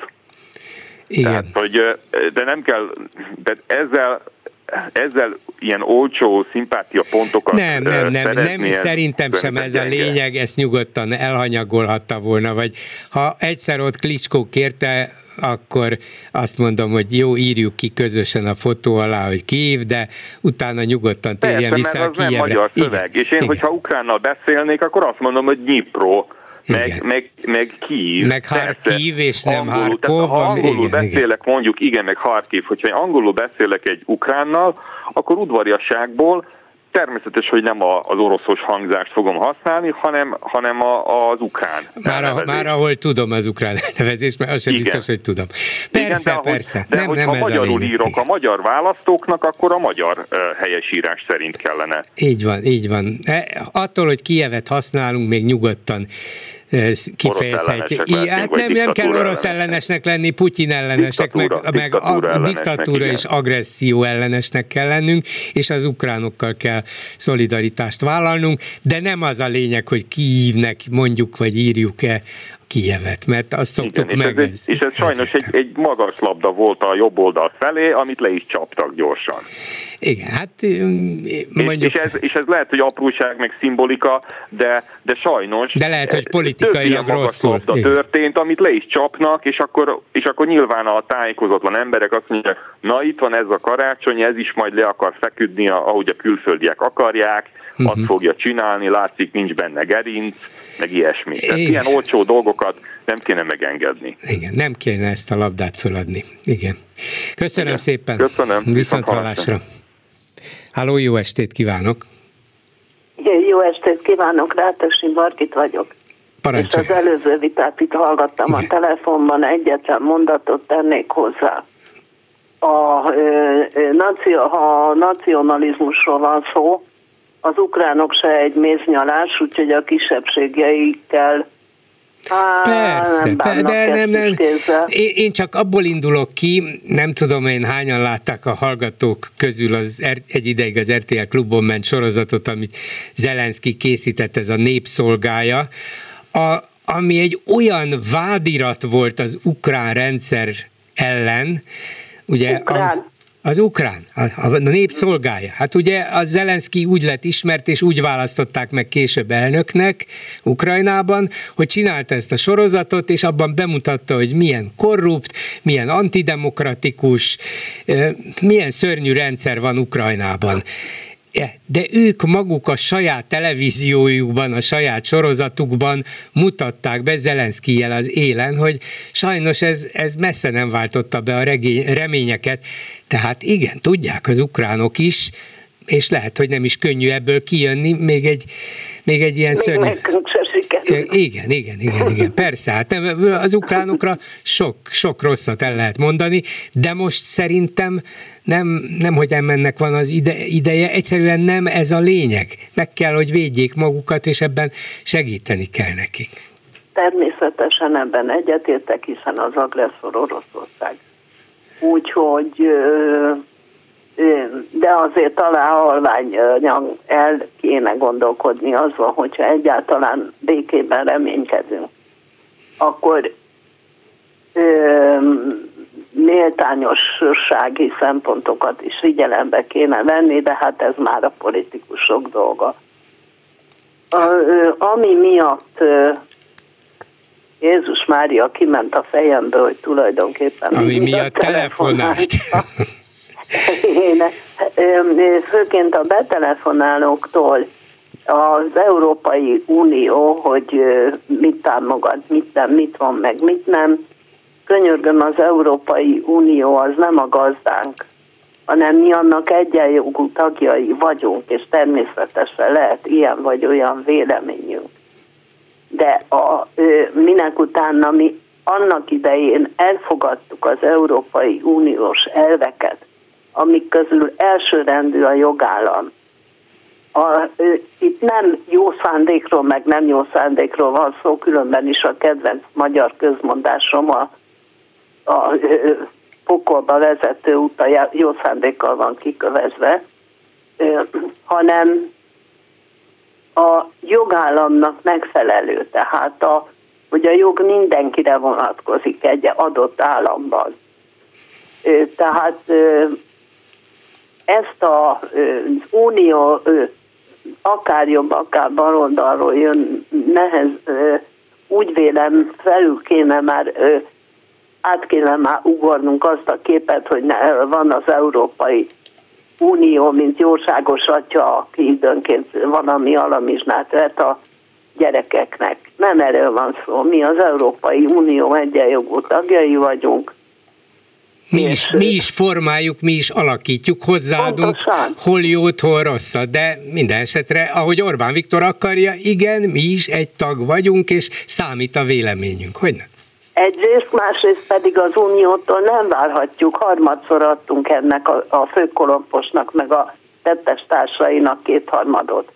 Most én természetesen nem ö, ö, vagyok effektív részese ennek a kétharmadnak, de ettől még valamit rosszul csinálok, hogy nem sikerül a ö, szavazók, ö, több mint három millió szavazót meggyőzni arról, hogy ez zsákutca, ez, ez káros a magyar nemzetre nézve, és a magyar nemzetre nézve. Mert az Európai Unió megvonja a vállát, ha nem, nem. De szóval Legfőjebb, legfőjebb most azért nem vonja meg a vállát, mert úgy gondolja, hogy ezt a rendszert részben ő finanszírozza az európai adófizetők pénzéből, és ez a rendszer a saját kiválasztottjainak a meggazdagodására is felhasználja az uniós pénzeket, és ezt a tolvajlást, ezt a gyalázatot, ezt az antidemokratikus és átláthatatlan működést nem lehet uniós adófizetői pénzen támogatni, ezért próbálják korlátok közé szorítani, nem másért. Igen, hát erre megvannak a szabályok, amit annó mi is aláírtunk. Igen. Mint, tehát részesei vagyunk az Európai Uniónak, és nem a ácsingó, alamizsnára ácsingozó gyermekei. És ö, a pártunkat és kormányunkat nem zavarja el, hiszen az Európai Unió alapelve, hogy az egyes államok helyi választásaiba persze olyan módon beleszól, hogy, hogy tájékoztat meg ilyesmi, ami fontos, de olyan módon nem szól vele, hogy akkor most váltsátok le az Orbánt. Nekem egy reményem van, a főkolomposnak úgy tűnik mostanában már nemzetközi vizekre nyílik a csipája, oda szeretnek kielvezni. Egyelőre nem nagy sikere, hiszen ugye a néppárttal sikerült Gondol, gondolja, hogy nemzetközi vizekre pályázik? Mire, mire, milyen szempontból? Valami nemzetközi hát, állás? Ő kiváló politikusnak tartja Na magát, jó, ez, ez egy másik a... kérdés. Nemzetközi szereplőnek, igen, nemzetközi szereplővé vagy. akar lenni a nemzetközi De Már sajnos az is nem, nem valami nagyon dicsért tényező, de olyan tényező, akit számításba kell venni. Na most, ahogy én látom, inkább téma a nemzetközi politikában, de tényezőnek még nem elég erős. Tehát ő azért próbál mindenféle, miután az Unióban nem járt túl sok sikerrel a ö, támogató gyűjtés, ezért próbál ő keletre tekinteni. Ezt én így látom, nem vagyok egy, mit tudom én, jós vagy nagyon okos ember, de úgy látom, hogy részben ugye az anyagiakat is próbálja, tehát ő, és ezt úgy próbálja elővezetni, hogy a politika, hát az egy ilyen pávatánc, ahogy ő ezt meg is fogalmazta, holott a politika nem. A politika nem ördög és nem angyal, hanem egy eszköz. Egy társadalom irányításának az eszköze és hogy azt mire használom, hát a konyhakész kés se bűnös azért, mert átba is lehet szúrni vele valakit. Hát igen, ez biztos, de önmagában, igen. Nekünk magunknak nincs mese, nem tudjuk megsporolni ezt az utat. Így van, nincs vitám, önnek igaza van ebben. Ha mi nem tudjuk megváltoztatni ezt a rendszert, vagy elküldeni, akkor, akkor más nem fogja helyettünk. Köszönöm Illetve szépen. én azt mondom, hogy az Európai Unió biztosan nem, viszont arra van esély, hogy ha más ügyekből, hát amit most főként gazdaság menetét látva, azért ennek megvan a veszélye, hát akkor majd segít, besegít a keletről valaki. Hát vagy a világhelyzet hozzá... Meg a világhelyzet se igazán vált, igen. kedvező, nem csak a mi számunkra, hanem az egész föld számára van. És hát az unokámra, meg a fiaimra, fiamékra gondolva nem vagyok ettől túl boldog. Egyikünk se az. Köszönöm szépen, viszont hallásra. Én is köszönöm, viszont hallásra. Ezzel a megbeszéljük mai műsora véget ért készítésében közreműködött Bencsik Gyula, Lőrinc Csaba, Erdei Tünde, Lehocki Miriam és Csorba László, Bolgár Györgyöt hallották, viszont hallásra a jövő héten.